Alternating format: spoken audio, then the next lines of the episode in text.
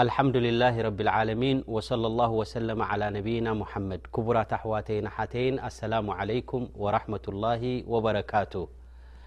እዚ ሕጂ ሒዝናዮ ዘለና ኣስተምህሮ ብጣዕሚ ኣገዳሲ ዝኾነ ኣብ ሂወትና እንተግብሮ ዓብዪ ዕባዳ እዩ እዚ ዕባዳ እዚ ድማ ማዕና ናቱ ትርጉም ናቱ ክንፈልጦን እንታይ ዓይነት ብልጫ ከም ዘለዎን ክንዛረብ ኢና ሎሚ ንዛረበሉ ኣርእስቲ ማዕነ ኣሰላቱ ወሰላም ዓለ ነቢይ ለ ላ ለ ወሰለም ለ ላ ለ ወሰለም ክትብል እንከለኻ እንታይ እዩ ማዕና ናቱ ትርጉሙ እንታይ እዩ ንዝብል ክንርኢ ኢና ከምኡ ድማ ሰላት ዓለ ነቢ ዝገብር ሓደ ወዲ ሰብ እዚ ዕባዳ እዚ እዚ ክቡር ዝኾነ ዕባዳ ዝፍፅም ዝኾነ ስኒ እንታይ ዓይነት ደረጃን ኣጅርን ኣብ ቅድሚ ረቢ ከም ዘለዎ ክንርኢ ኢና ማለት እዩ ቅድሚኡ ግን ኣላሁ ዘ ወጀል ኣንዓማ ዓለይና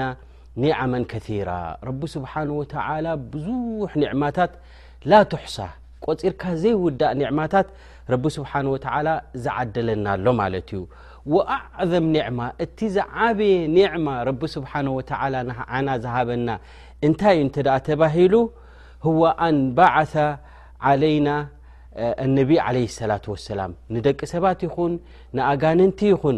ረቢ ስብሓንሁ ወተዓላ ኣነቢ ዓለይ ሰላት ወሰላም ክልእከልና እንከሎ እዚ ዓብዪ ኒዕማ ተወዳዳሪ ዘይብሉ እዩ ማለት እዩ ወረሱሉ ላሂ ለ ላ ለ ወሰለም ኸሊሉ ላህ ወሓቢቡ ላህ ወኺረትሁ ምን ኸልቅሂ ኣነቢ ዓለይ ሰላት ወሰላም ኸሊል እዮም ከምኡ ውን ኣነቢ ለ ሰላት ወሰላም ሓቢብላህ እዮም ፍት ዝኾኑ ባርያ ምሩፅ ዝኾኑ ናይ ረቢ ስብሓን ወተላ ባርያ ከምኡ ድማ ካብዚ ኩሉ መክሉቃት ረቢ ስብሓን ወተላ መሪፁ ነብይነት ዝዓደሎም ህወ ነቢ ለ ሰላት ወሰላም ወህወ ኣፍደል ልበሸር ኣብዚ ኣዱንያ እዚ ኣፍደል መክሉቅ መን እዩ እንተ ኢልካ ህወ ነቢ ዓለይህ ሰላቱ ወሰላም ኣላሁ ዓዘ ወጀል ኣርሰለሁ ልዩኽርጀሁም ብሂ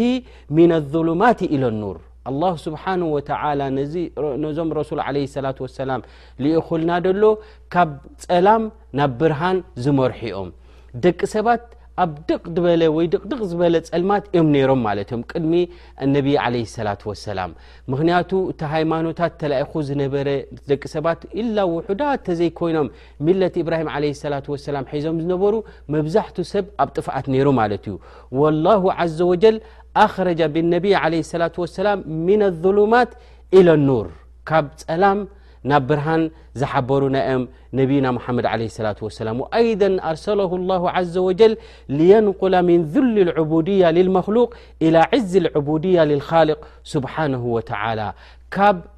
ኣምልኾት ናይ ደቂ ሰባት ካብ ሽርክን ካብ ኩፍርን ኣላቒቖም ኣነቢ ዓለ ሰላት ወሰላም ናብቲ ኻልቕ ዝኾነ ኣላ ስብሓን ወተላ ኣለዚ ላ ሸሪከ ለሁ ናብኡ ደሰጋገሩ ህወ ነቢ ዓለ ሰላት ወሰላም ኣላሁ ዘ ወጀል ኣርሰለ ነቢ ዓለ ሰላት ወሰላም ዩርሽደና ኢላ ሰቢል ነጃት ናብ መንገዲ ናይ ድሕነት ዝመርሕ ናብ መንገዲ ማለት ናይ ጀና ዝመርሕ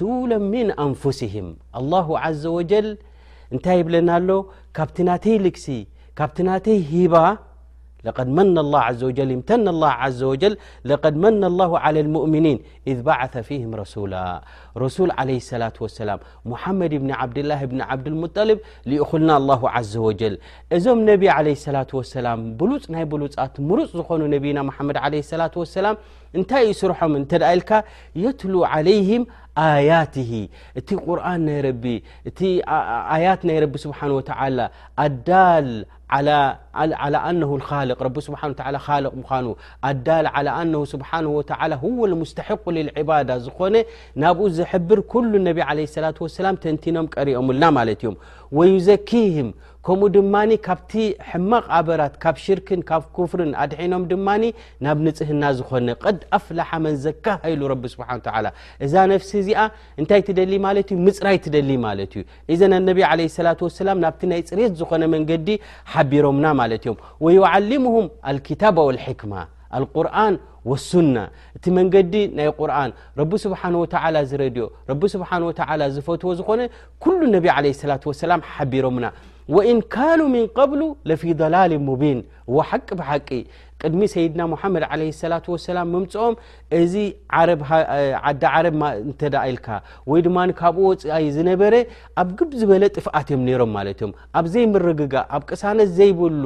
ሓያል ነቲ ድኹም ድዕምፀሉ እዩ ነይሩ ማለት እዩ ራሕማ ናይ እንስሳ የለ ራሕማ ናይ ደቂ ሰብ የለ መሰል ናይ ደቂ ኣንስትዮ የለ መሰል ናይ ቆልዑ ዘየለ ኩሉ ነገራት ተሓዋዊሱ ዝነበረ ነዚ ናይ ጥፍኣት ዝነበረ ናብ ቅንዕና ኣነቢ ዓለ ሰላት ወሰላም መሪሖሞ ማለት እዮም ወልሊክ ኣላሁ ዘ ወጀል እንታይ ኢሉ ብዛዕባ ነብይና ሙሓመድ ዓለ ሰላት ወሰላም ሁወ ለذ ኣርሰላ ረሱለሁ ብልሁዳ ወዲን ልሓቅ ኣላሁ ዘ ወጀል ንረሱል ዓለ ሰላት ወሰላም ክልእኮም ከሎ ብምንታይ ልኢኹም ሁዳ ቕኑዕ ዝኾነ ጥፍኣት ዘይብሉ ኩላ ግዜ ናብ ርሕሰት ዝመርሕ ናብ መንገዲ ጀና ዝመርሕ መንገዲ ገይሩ ንረሱል ዓለ ሰላት ወሰላም ልኢኹልና ወልላ ልሓምድ ብልሁዳ ወዲን ልሓቅ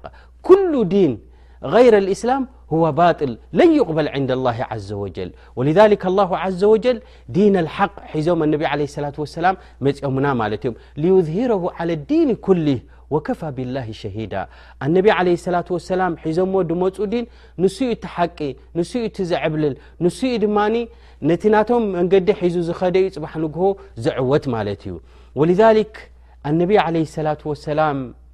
ብሉፅ ምሩፅ ዝኾኑ ነቢና ሙሓመድ ዓለ ሰላት ወሰላም ቐድ ቃማ ዓለይ ሰላት ወሰላም ብእብላቅ ሪሳላ እቲ መልእኽቲ ረቢ ስብሓን ወተዓላ ከብፅሕዎ ድኣዘዞም ኣነቢ ዓለ ሰላት ወሰላም እቲ ሪሳላ ኣብፂሖም እዮም ማለት እዮም ወኣደ ልኣማና ኣነቢ ዓለ ሰላት ወሰላም እቲ ሕድሪ ዝተዋሃቦም ናብ ደቂ ሰባት ንክበፅሕ ኣብፅሖምዎ ዓለይ ሰላት ወሰላም ከምኡ ውን ብንሱሕ ንደቂ ሰባት ንኩሉ ር ዘበለ ምዒዶምን መኺሮምን እዮም ኣ ነቢ ለ ላ ሰላም ነዚ ህዝቢ እዚ ብምሉኡ ዓለ ተማሚ ወልከማል ዝኾነ ሸሪዓ እዮም ገዲፎምና ኣነቢ ለ ላ ሰላም ረሱል ለ ላ ሰላም ፈበሸር ኣንዘር ኣነቢ ለ ላ ሰላም ኩሉ መንገዲ ቅንዕና ዝኾነ እዚ እቲ መንገዲ ቅንዕና እዚ ሓዙ ኢሎም ነዚ መንገዲ ቅንዕና ድሓዘ ዝማ ጀና ኣለዎ ኢሎም ኣበሽሮም ኣነቢ ለ ላ ሰላም ኣንዘር ምና ልሃላክ ኩሉ ናብ ጥፍኣት ዝመርሕ ኩሉ ናብ ሓዊ ጀሃንም ዝኣንፈቱ ድማ ኣነቢ ለ ሰላ ሰላም ካብኡ ድማ ኣጠንቂቖም ማለት እዮም ኣነቢ ለ ሰላ ሰላም ደላ ዓላ ኩሉ ኸይር ኩሉ ር ዘበለ ኣነቢ ለ ላ ሰላም ሓቢሮምና እዮም ሓዘራ ምን ኩሉ ሸር ኩሉ ሕማቕ ዘበለ ድማ ኣነቢ ለ ላ ሰላም ከልኪሎምና ማለት እዩ ኣንዘ ላه ተ ወ ዋቅፍ ብዓረፋ ብላ ወፋት ብኣያም ቁሩብ መዓልታት ክተርፎም ከሎ ነቢ ለ ላ ሰላም ካብዚ ዱንያ ዚ ንኸፍለዩ ኣላ ዘ ወጀል ቁርን ሓንቲ ኣያ ኣውሪድሎም እዛ ኣያ እዚኣ እንታይ እያ ትሕብር ማለት እዩ ኣነቢ ለ ሰላት ወሰላም እዚ ዲን እዚ ከም ዝግባእ ገይሮም ኣብፂሖሞ እዚ ዲን እዚ መሊኦሞ እዮም ብዝኾነ ይኹን ብሓድሽ ምህዞታት እንዳምፃኻ ዝምላእ ዲን ኣይኮነን በለ ነቢ ለ ሰላት ወሰላም ተረከን ዓለ ልመሓጀት ልበይዳ ኣብ ብርሃን እዮም ገዲፎምና ነቢ ለ ሰላት ወሰላም ወሃ ኣላሁ ዘ ወጀል እንታይ ኢሉ ኣልየውመ ኣክመልቱ ለኩም ዲነኩም ወኣትመምቱ ዓለይኩም ኒዕመቲ እዚ ዲንኩም እዚ ሎሚ ተሚሙ ዩ መሊኡ ዩ ኢሉ እነቢ ለ ላ ሰላም ካብዚ ኣዱንያ እዚ ከይተፈለዩ ከለዉ ዲን መሊኡ እዩ ማለት እዩ ወኣትመምቱ ዓለይኩም ኒዕመቲ ኣላ ዘ ወጀል እቲ ኒዕማ ናት እውን መሊእዎ እዩ ወረድቱ ለኩም እስላማ ዲና ኣላ ዘ ወጀል ዝረድዮ ዝፈትዎ ዲን ሃይማኖት እንታይ እዩ እተ ተባሂሉ ድማ ወ እስላም ኣልእስትስላሙ ልላ ብተውሒድ ኢድካ ንኣላህ ስብሓን ወተዓላ ምሃብ ብጀካ ንሓደ ኣላህ ተዘይኮይኑ ንኻሊእ ኣይግዛእን እየ ብጀካ ንረሱል ዓለ ሰላት ወሰላም ተዘይኮይኑ ንኻሊእ ኣይክተልን እየ ዝብል ዲን ኣላሁ ስብሓን ወተዓላ ዝረደዮን ዝተመመልናን እዩ ማለት እዩ ወልዛሊክ ክቡራት ኣሕዋት ኣነቢ ዓለ ሰላት ወሰላም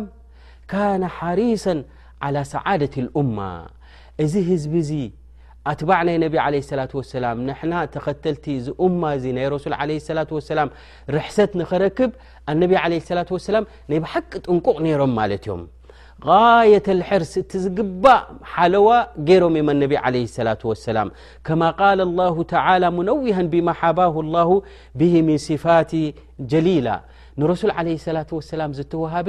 ፅቡቕ ዝኾነ መግለፅታት ፅቡቕ ዝኾነ ባህርያት ፅቡቕ ዝኾነ ክልቀ ረቢ ስብሓን ወተዓላ ሂብዎም ዩ ንረሱል ዓለ ሰላት ወሰላም ናይ ብሓቂ ድማ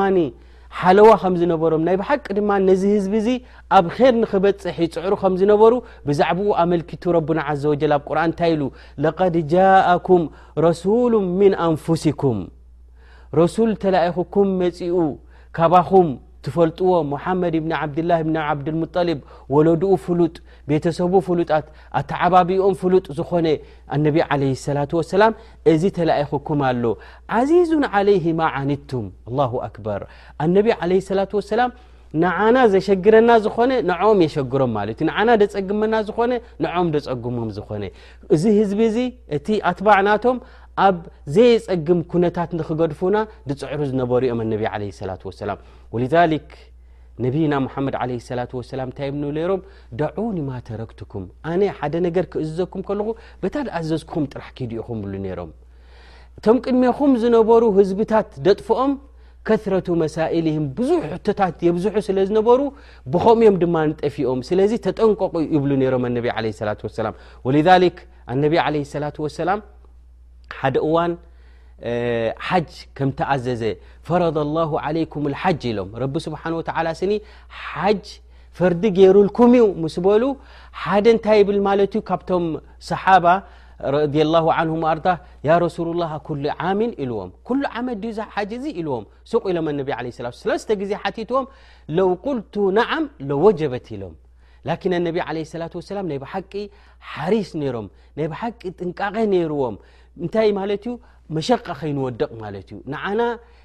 እቲ ንዓና ደጸግመና ንረሱል ዓለይሂ ሰላቱ ወሰላም የጸግሞም። ስለዚ ኣላሁ ዓዘ ወጀል ብምንታይ ገሊጽዎም ማለት እዩ? እዞም ረሱል እዚኦም መጺኦምኹም ደለዉ ሓሪስ እዮም፣ ናይ ብሓቂ ዝሕልዉናን ዝንከባኸቡናን እዮም ማለት እዮም። እዘን እምበኣረይ ከምዚ ዝበሉ ልኡኽ ተላኢኾሙና ነብይና ሙሓመድ ዓለይሂ ሰላቱ ወሰላም